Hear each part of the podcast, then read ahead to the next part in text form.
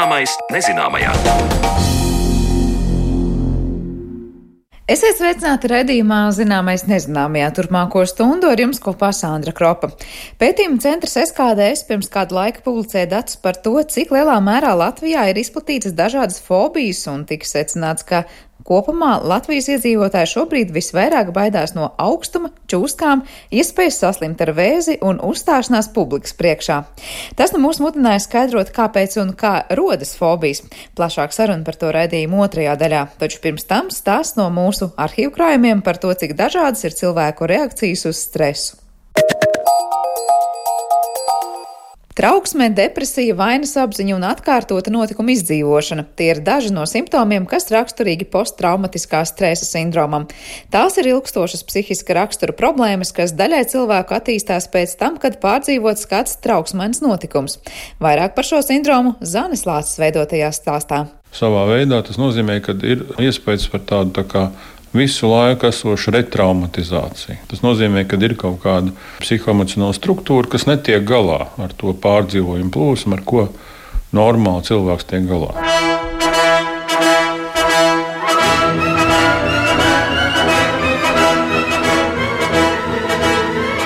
Tā raksturojot posttraumatisko stresa sindromu, teica psihoterapeits un psihoanalītiķis Valdemārs Švarts. Tātad runa ir par sekām, ko cilvēka atstāja kāds milzīgs negatīvs emocionāls pārdzīvojums. Piemēram, autokatastrofa, pieredzēta kara darbība, zemestrīce un tam līdzīgi. Un paiet zināmam laikam, cilvēks aizvien vēl ilgstoši sevī izdzīvo šo notikumu, redz to sapņos, viņam ir panikas lēkmes, trauksmes simptomi, traucējošā notikuma noliekšana, nošķirtības sajūta no citiem vai vienaldzība. Vai šāds sindroms var piemeklēt ikvienu no mums, vai tomēr tas ir atkarīgs no katra nervu sistēmas un garīgās veselības stabilitātes? To vaicāju Voldemāram Švarcam. Pastāv dažādas tā saucamās predisponējošās, ja tā var teikt, situācijas. Tas nozīmē, ja cilvēks pirms tam ir pārdzīvojis jau kaut kādā veidā emocionāla vardarbība, vai ir bijis kaut kādā veidā nu, saistīts ar tādu procesu, kas ir varbūt saistīts ar zinām diskrimināciju, emocionālu kaut kādu paaugstinātu ievainojamību, tad šiem cilvēkiem var attīstīties biežāk šādu veidu traucējumi nekā tiem, kuri ar to nesastopās. Un vēl ir varbūt tāda iezīme, kas attiecas uz bērniem, apmēram līdz desmit gadu vecumam, ka bērni It kā neattīsta tipisku šādu posttraumatisku stresa reakciju. Bet tur faktiski var būt vairāk runa par to, ka attīstās dažādas fiziskas reakcijas, kas vairāk atgādina dažādas fiziskas traucējumus. Bet tas ir raksturīgi vispār bērniem, kuri reizēm stresa situācijās reaģē nevis ar emocionālu vai teiksim, kaut kādu ar trauksmu saistītu traucējumu, bet tieši ar tā saucamajām psihosomatiskajām reakcijām vai traucējumiem. Vai jūs varat paskaidrot, kā tas izpaužas? Nu, piemēram, bērns pārdzīvo kaut kādu pazemojumu, un viņam domājot par to, ka viņš varētu atkal nonākt šādā situācijā, parādās vēders sāpes. Mūsu smadzenēs atrodas tāds mandeļveida ķermenis amigdala, kas piedalās atmiņas procesos un emociju veidošanā. To varētu dēvēt par tādu kā emociju motoriņu, kurš mums, piedzīvojot dažādas emocionālas traumas, tiek vairāk vai mazāk bojāts ir tā saucamais mandeļveida ķermenis, tas ir tas zemgrozes kodols, kuru mēs varam varbūt kaut kādā mērā salīdzināt ar tādu fizioloģisku, ja, anatomisku struktūru, kas ir saistīta savā ziņā ar dažādu spēcīgu emocionālu pārdzīvojumu, amortizēšanu un pārveidošanu. Un šī ziņā cilvēki, kas ir pārdzīvojuši tādu ļoti smagu emocionālu traumatizāciju, tad ir ar mazliet nu, savādāku šo struktūru smadzeņu. Tas nozīmē, ka Mēs vienreiz atgriežamies pie tās situācijas, ka arī emocijas, kas ir saistītas ar pārdzīvojumiem, attiecībās, ļoti teiksim, smagās. Šajā gadījumā, protams, ir runa vairāk par tādu akūtu traumu, ja, kas var būt avārija, kaut kāda smaga saslimšana, kurā liela nozīme ir tieši tā emocionālajai komponentei. Mēs varam redzēt, ka tas var ietekmēt ja, cilvēku šo emocionālo adaptāciju uz vēlāko dzīves laiku. Un tad, piemēram, kara veterāni arī atgriežoties no kara, viņi turpina dzīvot šajās smagajās emocijās. Tas nozīmē, ka tā reakcija, ko mēs varētu tādā sadzīves valodā nosaukt kā baiļu reakcija, turpina dzīvot viņos un sagādāt ciešanas tieši šī iemesla dēļ, ka šīs ārkārtējās stresa reakcijas dēļ ir savā ziņā nu, izmainītas tās struktūras, kurām vajadzētu būt normālām. Ja mēs runājam par laiku, kad ir tie simptomi, ka var pateikt, ka cilvēkam ir tas posttraumatiskais stresa sindroms, vai mēs varam runāt par to, ka tas notiek pēc dienas, pēc nedēļas, vai arī pēc trim gadiem, tas varētu būt izpausties? Nē, izpausties tas var ļoti ilgi laikā. Bet parasti nu, tiek pieņemta zinām tāda nu, distance no tās traumas brīža, vismaz mēnesis. Ja. Jo jebkura cilvēka emocionālā dzīve tiks sagrauta, ja viņš pārdzīvos kaut kādu ārkārtēju traumatisku pieredzi. Bet tas pats termins pēc traumas, tas uzsver, ka ir pagājis zināms laiks pēc. Kad tās traumas, varbūt tās akūtās un konkrētās fiziskās un emocionālās sekas ir novērstas. Bet eh, cilvēkam šie traucējumi turpinās. Tas nozīmē, ka viņš jau ir varbūt saņēmis vajadzīgo palīdzību, nu, tā kā piemēram kara veterāns. Viņš jau veselu gadu ir atgriezies nu, teiksim, no tās kara darbības zonas, vai, vai piemēram cilvēki, kas ir snieguši palīdzību citiem zemestrīces gadījumā. Ja?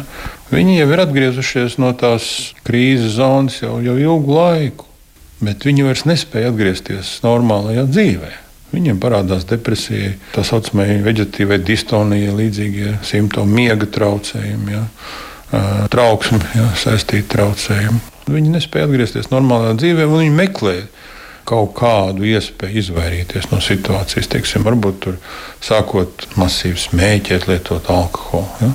Un tas to situāciju padziļina. Viņiem ir ārkārtīgi grūti adaptēties attiecībās. Ka dažādas emocijas, kas pirms tam bija pieņemamas, viņas vairs nu, viņi nevar vairs izturēt, tās viņas kaitina. Un...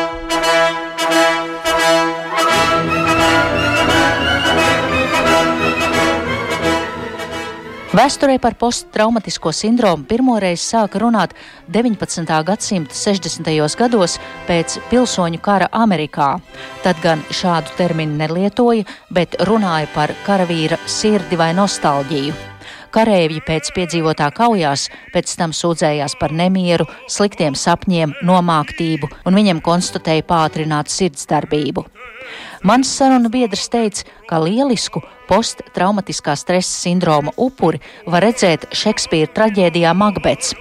Tur šis skotu karavadonis cīņā pēc varas, slepkavodams pa labi un pa kreisi, demonstrē šī sindroma izpausmes.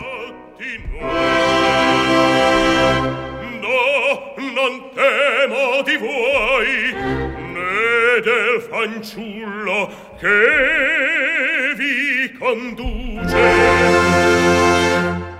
Bet tagad Valdemārs Švarts turpina runāt par reālajā dzīvē sastopamajām posttraumatiskā stresa sindroma izpausmēm. Ir izmainīta arī teiksim, tā saucamā adrenalīna viela maiņa šiem cilvēkiem. Ja? Tad, tad ir pārāk augsts šis adrenalīna līmenis. Tas nozīmē, ka savā ziņā viņi ir jau predisponēti, gatavi reakcijai arī jau miera stāvoklī. Piemēram, es nezinu, un, un teiksim, jūs ēdat vakariņus un nokrīt vienam dakšiņam Un viņš uzreiz kliedz. Viņš saka, kā, kas notika, kāpēc tā. Ja? Normāli cilvēks teikt, nokrita dakšiņa. Jā, es satrūkos, es novijos, man tas nepatika. Viņš teiks, ja? vai vienkārši pat neievēros to. Lielākā daļa cilvēku nokrita dakšiņa, nokrita tas nekas nav. Vai, oi, nokrita dakšiņa, citi pajoko, saka, kas tad nāks, vai vēl kaut kādā veidā. Tas, tas reakcijas spektrs ir ļoti mazs. Bet šeit ir tas, ka tas cilvēks Viņš dzīvo tajā pārdzīvojumā, un līdz ar to viņš asociē to situāciju ar šīm sev sāpīgajām jūtām. Līdzīgā veidā, kā piemēram, nezinu, ja jums ir jau nu, nezinu, tur sasista kāja, ja, un, un kāds jums piedurās tajā sāpošajā, jūs uzreiz reaģējat ar hiperreakciju, kuras absolūti nebūtu tajā brīdī, ja jums šādas sāpīgas problēmas nav. Ja, jūs galīgi nereaģētu uz to. Un problēma ir tā, ka cilvēks redz to, ka tas ir ir eh, pavērsts arī ļoti personīgā veidā. Ja, teiksim, rodas tāda personīga emocija pret to cilvēku. Tā it kā viņš būtu. Būtu speciāli nodarījis šo sāpīgo pārdzīvojumu. Un otra problēma ir tā, ka rodas vēlāk arī vainas sajūta, ka es tā reaģēju. Tas ir tās sekundārās problēmas, jo, jo tas cilvēks faktiski visu laiku dzīvo sāpēs. Ja, tā ir tāda problēma, ka šie cilvēki ļoti bieži runā par to, ka viņi ir savādāki rodas šī atsvešinātības, sociālā izolētības un atsvešinātības sajūta. Un tās ir ļoti bieži tā saucamās sekundārās izmaiņas, kas ir raksturīgas šiem posttraumatiskā stresa pacientiem. Ja? Līdz ar to ļoti bieži nāks kombinēt dažādas terapeitiskas pieejas, lai viņus adaptētu, lai mazinātu šo izolāciju. Jo ļoti bieži, kā jau es teicu, to pašu traumu, kur jau ir notikusi, ja tās traumatiskās izmaiņas, kas ir tīri pat tādā fizioloģiskā līmenī, viņas jau pilnībā novērst nevar. Var būt runa par to, ka cilvēku adaptē tam. Par posttraumatiskā stresa sindromu stāstīja psihoterapeits un psihoanalītiķis Valdemārs Švarts, un par to visu vairāk interesējās mana kolēģe Zane Lāce. Bet par to, kā veidojas fobijas, mēs parunāsim redzījuma turpinājumā.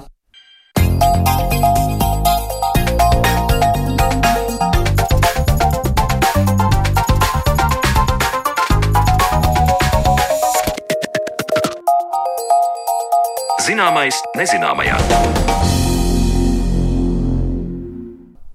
Kā rodas fobijas un kā tās atšķiras no bailēm? Vai fobijas ir normāla cilvēka aizsarga reakcija, vai arī uz tām jāskatās kā problēma, ar ko jātiek galā? Lai meklētu atbildes uz šiem un citiem jautājumiem, mēs studijā esam aicinājuši psihoterapeitu Rīgas Tradiņu Universitātes psihosomatiskās medicīnas un psihoterapijas katedras docētāju Artūru Rūtinānu. Labdien! Labdien!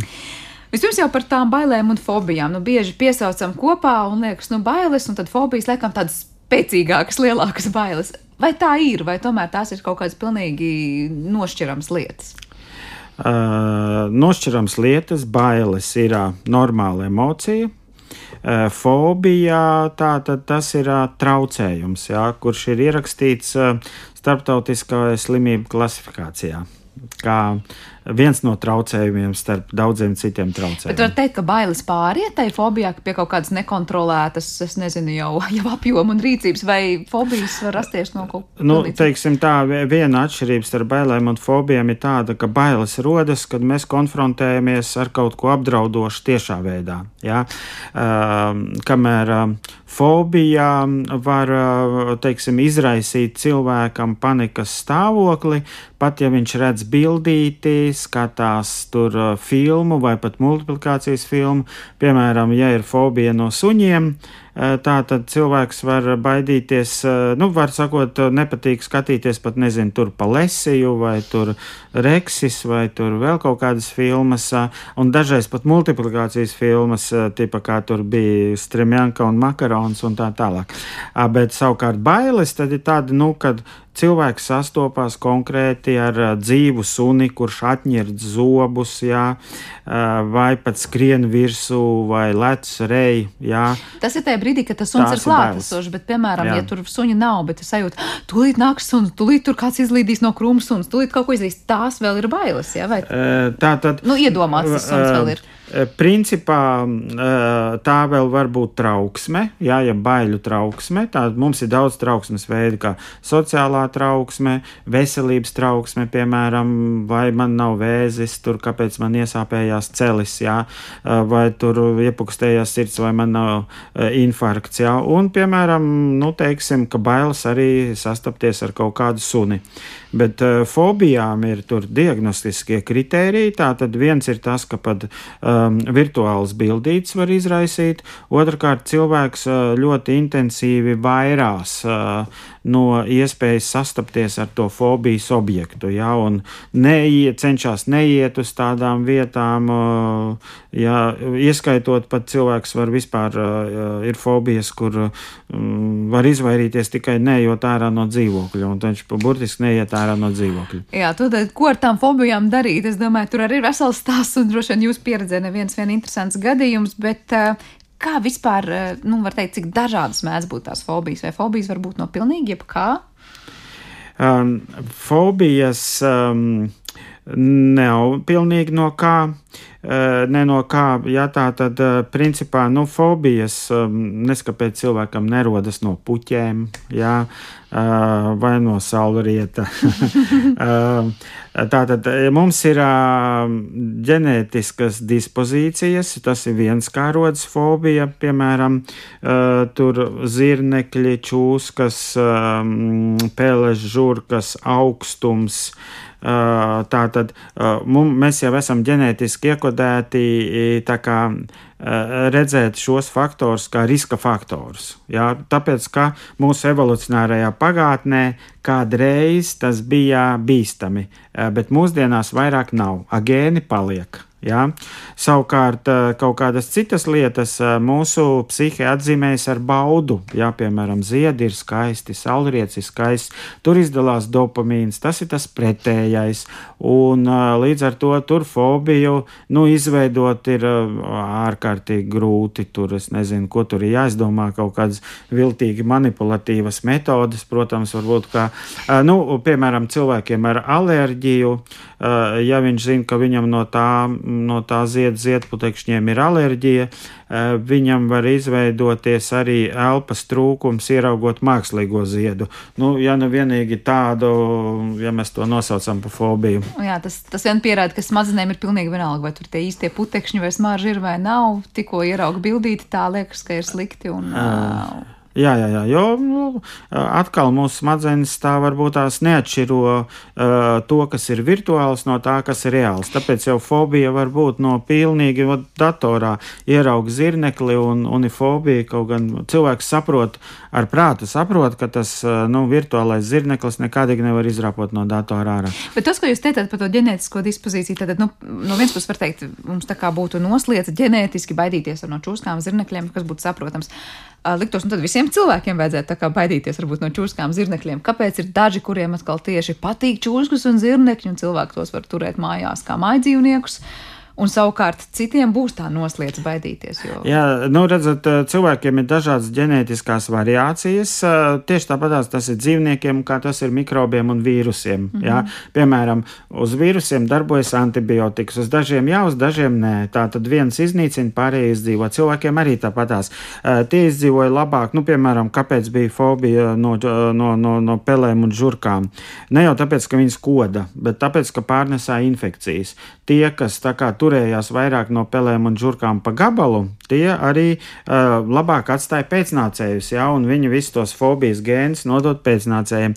Bet, ja visi cilvēki tā darītu, ja, tad, nu, teiksim, tā mēs būtu izniruši, tur uh, izmiruši, ja, jo mm, uh, savukārt. Uh, ir citas dispozīcijas, kas liek mums eh, meklēt piedzīvojumus, izplatīties pa pasauli. Eh, tur, piemēram, cilvēki kuģoja pāri eh, jūrām un okeāniem, re, kur aizpeldē līdz tādai lieldienas salai, kas ir 2000 vai 3000 km no tuvākās sauszemes. Ja? Nu, vajag tā kaut ko pretēju fobijai, lai vispār ar kaut kādām pirogām irtos klusajā okeānā. Tad vēlns viņš zina, vai dievs vien zina, kur. Ja? Tur sekojot kaut kādiem putnu lidojumiem vai vēl kaut kam. Cik daudz apslīka, to arī neviens nezina. Jā bet beigu beigās iekaroja visu okeāniju. Var teikt, atkal šo cilvēku pēctečiem vairāk varētu būt tāda ceļojuma garša. Un vai, tiem vai... ir ceļojuma, jā, tiem ir uh, speciāli tādi dopamīna receptoru um, gēni, kas ir uh, viņiem uh, vairāk izplatīti, jā, un tas uh, dopamīna receptors tur uh, ir, viņš ir garāks, tāda garāka virtene, un līdz ar to ir um, vairāk šī, uh, nu, piedzīvojuma kāri. Vai kā, kā viss no iepriekšējā, var teikt, paudžu un iepriekšējām pieredzēm mūsos tad veidojas.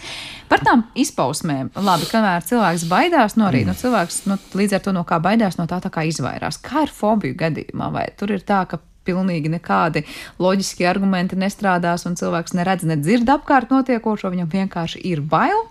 Kas notiek tajās Jā. īstās fobiju, tajās jau diagnozēs? Eh, jā, nu, nevar teikt tā, ka loģiskie argumenti vispār nestrādā, bet, eh, bet principā eh, ir speciāls psihoterapeitis tehnikas, kur var teiksim, piemēram, kognitīva, behaviorālā terapija, kur ir arī, teiksim, mēģina mainīt to attieksmi, jā, pret šo fobisko objektu. Kaut gan visefektīvākā ir tāda behaviorālā terapija šai ziņā panākt tā saucamo desensibilizāciju, jā, tāpat tās tā kā pret alergēniem. Sāk ar māziņu tur to fobijas devu, piemēram, tikai virtuālais zirneklis, tur tāds, tāds, tāds ar smaidīgu sēņu, jā, un tad tur vēl kaut kāds tuvāk jau reālajam un tad reālais zirneklis no attāluma, tad reālais zirneklis tuvumā, kamēr izārstējies skaitās tas, kurš to zirnekli var paņemt rokās. Ja?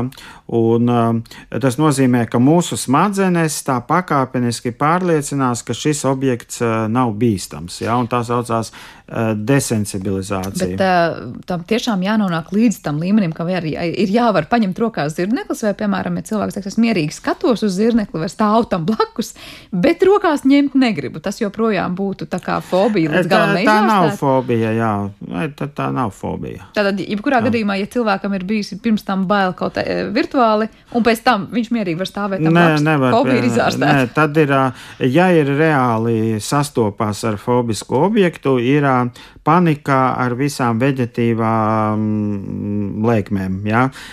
Un līdz ar to otra uzvedība ir izvairs uzvedība. Izvairs uzvedība ne tikai blakus nestāvēt, bet vispār iekšā neiet istabā, kur tas zirneklis ir. Tur National Geographic rādīja arī viena sievieti, piemēram, kura, ja vajag ieiet kādā citā istabā, visur pa priekšu sūtīja vīru, lai tas apsit visus zirnekļus, un tad tikai viņi varēja tur ieiet. Kā jūsu pieredze strādājot bieži ir pacienti ar fobijām, tiešām tur nu, zirnekļiem, čūskām, žurkām, tādiem populārākajiem? Jā, tas ir, nu, tas ir pietiekoši bieži. Tā varētu teikt, apmēram, nu, piemēram, nāk studentu grupa, teiksim, jā, tā arī būs, piemēram, nu, parasti tur 11, 15 cilvēku studentu grupa, starp tiem viens noteikti būs, kam būs bailes no zirnekļiem, piemēram, vēl kāds tur varbūt no suņiem, jā, Un, Bet tas jau mēs jā. runājam par fobiju līmeni. Jā, jā, jā. jā, jā, jā.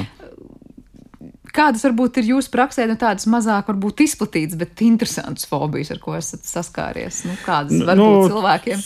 Cilvēkiem, jā, ir mēdz būt ļoti jocīgas fobijas, jā. Sākot jau ar to, ka ir fobija būt bailes apraktam dzīvam, bailes no kosmiskām katastrofām, bailes no skaitļa 13, saucās triskaidekatofobija, jā.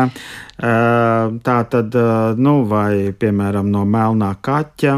Bet tas jā. ir saistīts ar mājiņticību un fobiju, to, cik ļoti cilvēks tic dažādām ar tādām lietām. Maģisko domāšanu, jā, saistīts, jo parasti tie, tiem cilvēkiem ir izteikti maģiskā domāšana, un, un, un, un viens no maģiskās domāšanas paveidiem ir mājiņticība, jā, tā tad, nu, kā mēs zinām, tas ir diezgan izplatīts, redzat, ja lidmašīnās tur nav 13 vietas, un uh, hoteļos nav 13. stāva un 13. istabiņas. Nu, nevis tā, ka varētu, nu, lai ir tā 13. istabiņa, nu, tā kā likt to tur, kas nebaidās. Jā, bet, nu, laikam tas sastopami pietiekami. Nu, jā, bieži. ja lidmašīnās tagad vienmēr katrā reisā būtu risks sastapt kādu, kuram ir fobija, un tad cilvēks tur tiešām, kā saka, sevi nesavaldīt, liekam, tur no drošības apsvērumu viedokļa pat labāk, lai tā 13. rinda nav un visiem miers. Bet, uh, Kāds ir jūsu skaidrojums, nu, cik patiesībā nu, nepamatots dažkārt tās fobijas? Man liekas, jūs vienā no iepriekšējām intervijām stāstījāt, ka tie salīdzina tur e, bailes no zirnekļiem un bailes no, no, no revolveriem vai kaut kas tāds tur bija, vai nošaušanas. Tur... Nu, tas ir tā tad, ka es teicu, ka nav bailes no pistolēm, bet ir bailes no zirnekļiem. Tas, tas tā tad norāda mūsu evolucionāro pagātni, bet pistoles savukārt ir tagad nesen attīstījušās un, un līdz ar to gēnos tādas bailes tā kā mums nav, nav, nav iegājušas, vai tāpatās kā parasti ir bailes no lidmašīnām, bet nav bailes no, nu, ļoti maz ir, nu, teiksim, tiešām kaut ko varētu raksturīt kā fobija no braukt ar automašīnu, jā, kaut gan aiziet bojā automašīnā statistiski ir lielāka iespēja nekā aiziet bojā lidmašīna, jā. Nu, pistole zirnekli vispār nesalīdzināsim, jā, tur tā kā. Um, Jā. Ja mēs skatāmies tagad arī par tiem datiem, no kāda baidāmies šeit Latvijā, nu tur ir tādās tematiskās grupās, gan telpiskās bailes, tur būs viss tipiskais augstums, dziļums un, un, un viss pārējais. Tad saistībā ar veselību tādu baiļu grupu, tad jau piesauktās dabas parādības un čūskas zirnekļi, kas nu tur tikai nav, un tādas sociālās fobijas, nu tad nu, tur atraidītam būt vai uzstāties publikas priekšā, vai ir kaut kāda saistības ar to, kuras no šīm bailēm vai fobijām būs vairāk izteikts, nu, vai biežāk tomēr tās būs kaut kādas dabas parādības, vai tās sociālās fobijas, un vai tur ir kaut kāda nu, saistība, kā tās bailes no dziļumā, tas iet no mūsu un augstuma pērtiķa smadzenēm, jo mēs lēkājām pa kokiem, un kādreiz jāsenš mūsu, un tad attiecīgi, ja tu aizliec garām kādam zaram, tad tev kāja ir lausta kā minimums, bet savukārt, lūk, nav bailes braukt ar automašīnām, jo redz pērtiķi nebrauc ar automašīnām, un viņam tāda fobija neizstrādājās. Labākais pierādījums Darvina teorijām. Bet sociālās fobijas ir, ir biežākas, jā, tāpēc ka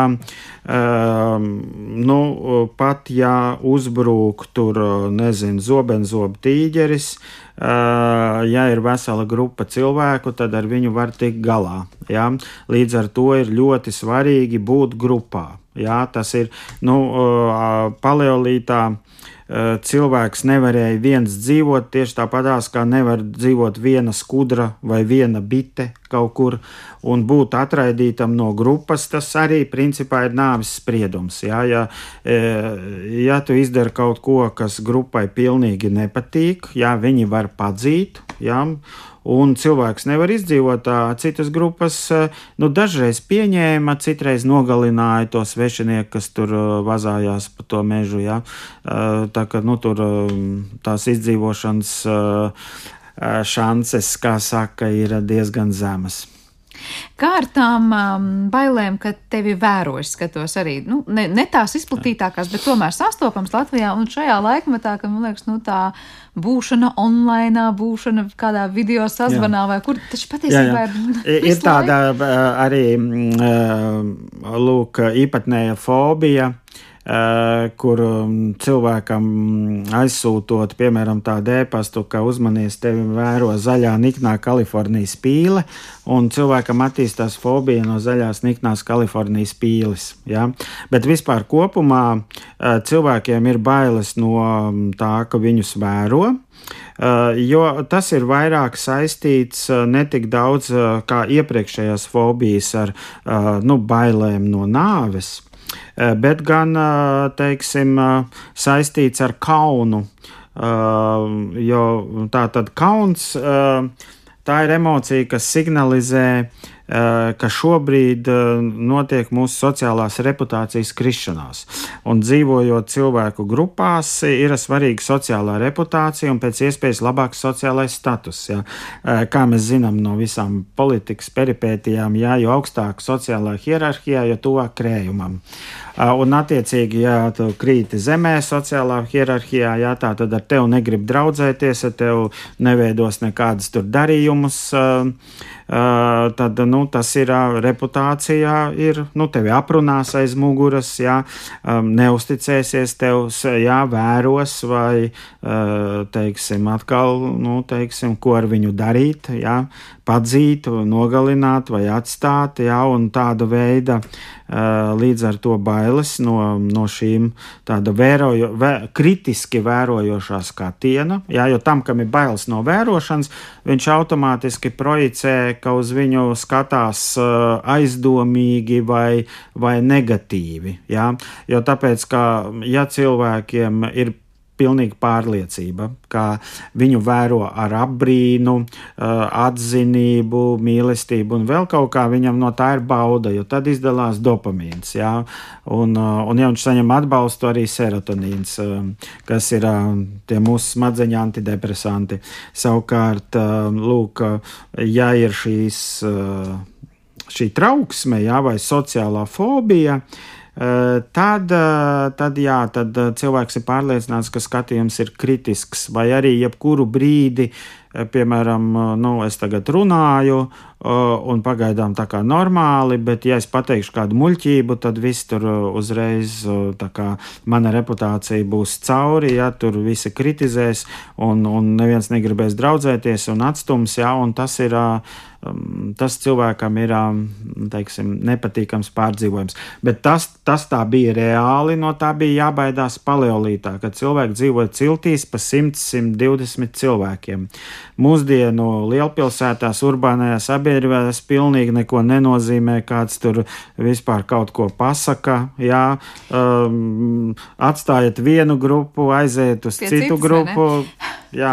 Tā kā tas ir jā. kaut kāds tiešām vecu laiku Vec, relikts, kas nāk jā, mūsu līdzi. Relikts, jā. Uh, kāda saistība vispār pastāv saistība? Nu, kur cilvēki ir vairāk pakļauti fobijām, vai, piemēram, ir saistība tur, nezinu, introvertāki, netik introverti, vai atkal kādi kautrīgāki, vai es nezinu, vai vispār tur ir kaut kāda sasaiste, kāda, kam piemītās fobijas? Nu, katram cilvēkam var būt kāda fobija. Vienkārši uh, introvertiem būs mazāk sociālās fobijas, jo viņš ir vienaldzīgāks pret apkārtējo attieksmi, un, un sociālās fobijas būs vairāk ekstravertam, jā, bet uh, introvertam var būt, nu, kaut kādas ļoti jocīgas fobijas, jā, ja viņam ir kaut kāds šis tāds, nu, kas psihiatrijā saucās paranoidais līmenis, viņš tiešām var izdomāt, ka viņam seko šī kali, zaļā Kalifornijas pīle, piemēram. Jā. Bet vai nav tā, ka tiem, kuriem, piemēram, ekstravertajiem patīk būt tajā uzmanības centrā, tad viņiem arī tur, nu, pieņems, nepieņems tas pūles viņus īpaši nesatrauc, bet savukārt tiem introvertiem tās sociālās fobijas varētu būt izteiktākas vai kļūdens. Ne, tie vairāk ir tie, kas tā kā nav īstie introverti, bet principā ir ekstraverti, bet bērnībā daudz kaunināti un kritizēti, ja, un, un nu, tagad, protams, atrod Mm, e, ka nu, nepietiek, protams, ar to iedzimtību, jā, jo tiem gēniem vajag iemeslu, kāpēc izpausties fenotipiski. E, tāpēc cilvēkam var būt e, viens ir kautrīgāks, vai bailīgāks, vai dusmīgāks, vai bēdīgāks, vai, vai, vai tā kā, nu, tā kā ar laimes gēnu apveltīts. Jā. Bet vecāki var, nu, teiksim, vienus gēnus aktivēt, citu, citus nomākt ar savu audzināšanu. Uh, un, um, Līdz ar to, piemēram, nu, iedomāsimies variantu, ka cilvēks drusku ir jau tā kā iedzimti kautrīgs, un tā vēl vecāki viņu visu laiku kritizē uh, un šausta un, un, un tam līdzīgi un nepieņem. Ja, tad līdz ar to viņam, viņam veidojās tāds, uh, nu, tā kā personības centrā, ja tāda uh, pilnīga nepārliecība par sevi, un, un līdz ar to tur noteikti būs sociālā fobija. Bet no tā izriet, ka fobijas uh, visvairāk veidosies mums bērnībā, vai tās arī jebkurā vecumā? Ne, tas uh, um, pamati tiek ielikti uh, bērnībā, bet nu, arī bērniem veidojas fobija. Bērniem veidojas ļoti bieži visādas dzīvnieku fobijas, jā, un piedāvājam atkal uh, tādiem dzīvniekiem, ar ko viņi nekad nav tikušies. Jā, jā, tur, nezinu, krokodils zem gultas vai tur uh, haizivs, jā, žokļi un tam līdzīgi. Uh, es atceros arī kādreiz sen, sen man bija viens 12 gadīgs puika, kuram bija bailes, ka viņi nolaupīs citplanētieši, jā, nu, lieki teikt, ka viņš nekad ar citplanētieti nebija ticies un viņš pilnīgi neko tam puikam pāri nebija nodarījis. Es domāju, ja bērnībā daudz skatās, lasa, klausās filmas vai stāstus par to, jā. tas var pat pilnīgi aizvest līdz tai fobijai fobijai. Jā, jā, jā tas, ir tā, tas ir veids, kā mūsu smadzenes darbojās. Ja smadzenes, tur, tur mūsu smadzenes dziļumos nav tāds kaut kāds gudrais, jā, tur, bet uh, smadzenes var neatšķirt iztēloto no reālā. Jā. Vēl jau vairāk, ka principā visa pasaule, ko mēs redzam, uh, tā ir eh, smadzeņu iztēlota. Ja? Tas ir nu, online video kamera. Ja cilvēki domā, ka mēs vienkārši kaut kā redzam to, kas notiek ārpusē, eh, bet mēs neredzam uz mūsu acī aiziet elektromagnetiskie viļņi, tie e, aktivē optiskajā nervā darbības potenciālu, tur nekādas bildītes neskrien pa redzes nervu. Un viss, ko mēs redzam, to rada smadzenes. Jā? Mēs redzam nevis ar acīm, bet ar smadzenēm. Viss tā aina ir smadzeņu izveidot, un, un, ja es kaut ko iedomājos, un man ir ļoti dzīva iztēle, e, tad nu, tas ir no tāda paša materiāla kā uh, kā teiksim, tas, tas, tas reālais, vai, piemēram, cilvēki, nu, pilnīgi noteikti neatšķir halucināciju no realitātes šī iemesla dēļ. Jo tāpēc, ka tā ir viena tā pati filma, viena ir online, otra ir atkārtojuma režīmā un viss, un, un kā, kā jūs skatoties video kamerā, pateiksiet, vai tagad ir online, vai tagad kāds ir ieslēdzis vecu atkārtojumu. Nu, nekā. Jā, smadzenes tik interesanti tiešām lieta, bet par tām fobijām vēl runājot. Vai fobijas pašas no sevis var pāriet, vai tās vienmēr ir jārastē? Tomēr, ja reiz esam tikuši līdz fobiju līmenim. Uh, cilvēks var uh, pats tikt galā, jā, ja viņš izdomā uh, kaut kā pagriezties pretī nu, tām bailēm. Uh, problēma ir šī izvairs uzvedība. Ja? Tātad, jo vairāk cilvēks vairās no tā fobiska objekta, jo tad saka, jo vairāk viņš sensibilizējas, paliek jūtīgāks. Ja? Tā kā uh, apauga ar visu kaut ko. Ja? Uh, un tā vēl atlasa informāciju, kur tiešām nezinu, čūska uzbruka, jā, Ieraugi cilvēks nomira. Tikai jā, tikai to, uh, jā, tas ir tas. Uh, uh, aizsprieduma apstiprinājums, tā, nu, no zinātnīs valodā confirmation bias. Ja? Un, un savukārt to, kas apgāž, to viņš to, to informāciju ignorē. Bet ir uh, cilvēki, piemēram, es zinu, kam ir augstuma fobija, bet uh, sagribēja viņam cīnīties, pat aizbrauc, tāpēc, piemēram, lekt ar gumijām tur. Um, ar galvu uz leju tur no diezkāda tur tilta. Uh, Uh, nu, pie manis nav augstuma fobija, bet es pat nezinu, vai es gribētu tam gumijā. bet es tieši gribēju jautāt, kā ir šajos gadījumos, kad cilvēks kā, nu, ļoti strikti iet pretim tām savām bailēm vai fobijām šajā gadījumā. Un kā tas ir, ja tas nenotiek tā kā soli pa solim un mazā devā? Vai nav pretefekts, ka cilvēka organisms vienkārši pasakā, psihi vispār pasakā, es negribu vispār savu mūžu redzēt neko Jā. augstāk par diviem metriem? Nu, visādi var būt, bet uh, tā behaviorālajā terapijā tā tehnika saucās pārpludināšana ar stimulu. Ja? Ka tas stimuls ir tik intensīvs, uh, ka smadzenes tā kā. Uh, nu, tā kā varētu teikt, atmeta roku, jā, tur, nu, viss, mēs vairāk uz šito nereaģēsim, tas ir par daudz, un mēs te izslēdzamies. jā, tā kā vai pietiek kaut kā interesanti pētīt tās fobijas šobrīd arī zinātniski un tiek analizēti kādi, kā saka, top jautājumi, kas satrauc zinātniekus? Nu, jā, protams, viņas ļoti intensīvi tiek vienmēr bijušas pētītas. Un, un, un, un, un tagad tiek pētīts, un, un, protams, visvairāk jau tiek meklēts jaunas metodikas, ja, kā ar viņām cīnīties. Tas Kā ne... mainās tās metodikas? Nu... Nu, tagad ir daudz tādu virtuālo metodiku, jā, tā ir pašai desensibilizācijai. Piemēram, tagad ir kā uzliek masku un, teiksim, jums apkārt ir virtuālie zirnekļi, jā, vai tur virtuālās čūskas, vai, piemēram, jūs uzliekat nu, šo masku un paskatāties sev zem kājām, un jums liekas, ka tur apakšā ir 30 metru dziļums, jā, nu, teiksim, pret augstumu. Tas pats ir tagad visādi maketi ar virtuālām lielām tur lidmašīnām, jā, jo um, nu, tās uh, lidkompānijas ir ieinteresētas tomēr, lai pēc iespējas vairāk cilvēku lido, un, un viņas iestājas, uh, iesaistās finansēšanā, lai, lai varētu šādu veidu fobijas ārstēt, lai cilvēki vairāk lidotu. Bet, ja uzliek tādas virtuālās realitātes brilles, es tagad iedomājos, pēkšņi man apkārt būtu viss vienās čūskās, jā, un es domāju, es iegūtu to fobiju, varbūt nevis to pazaudēt. Tur ir tā soli pa solim pieeja saglabāta tajā, ka varbūt sākumā tu redzi to čūstu kaut kur vispār drošā attālumā, un pēc tam Jā. tikai savā nu, tā var likties, ka, ka to fobiju iegūtu. Tāpēc, ka es zinu, man te viena pazīstama žurnāliste arī bija aizbraukusi Zviedriju un uzvilka tās uz to vienu no uzņēmumu, kas taisīja tās brilles un uzvilka, un tad no visām pusēm nu, rāpo zirnekļi, un viņi izstāsta tādu reālāku, nevis tur kaut kādu tādu kokaini. Ja? Un viņi saka, ka tagad man sākās zirnekļu fobija, ja?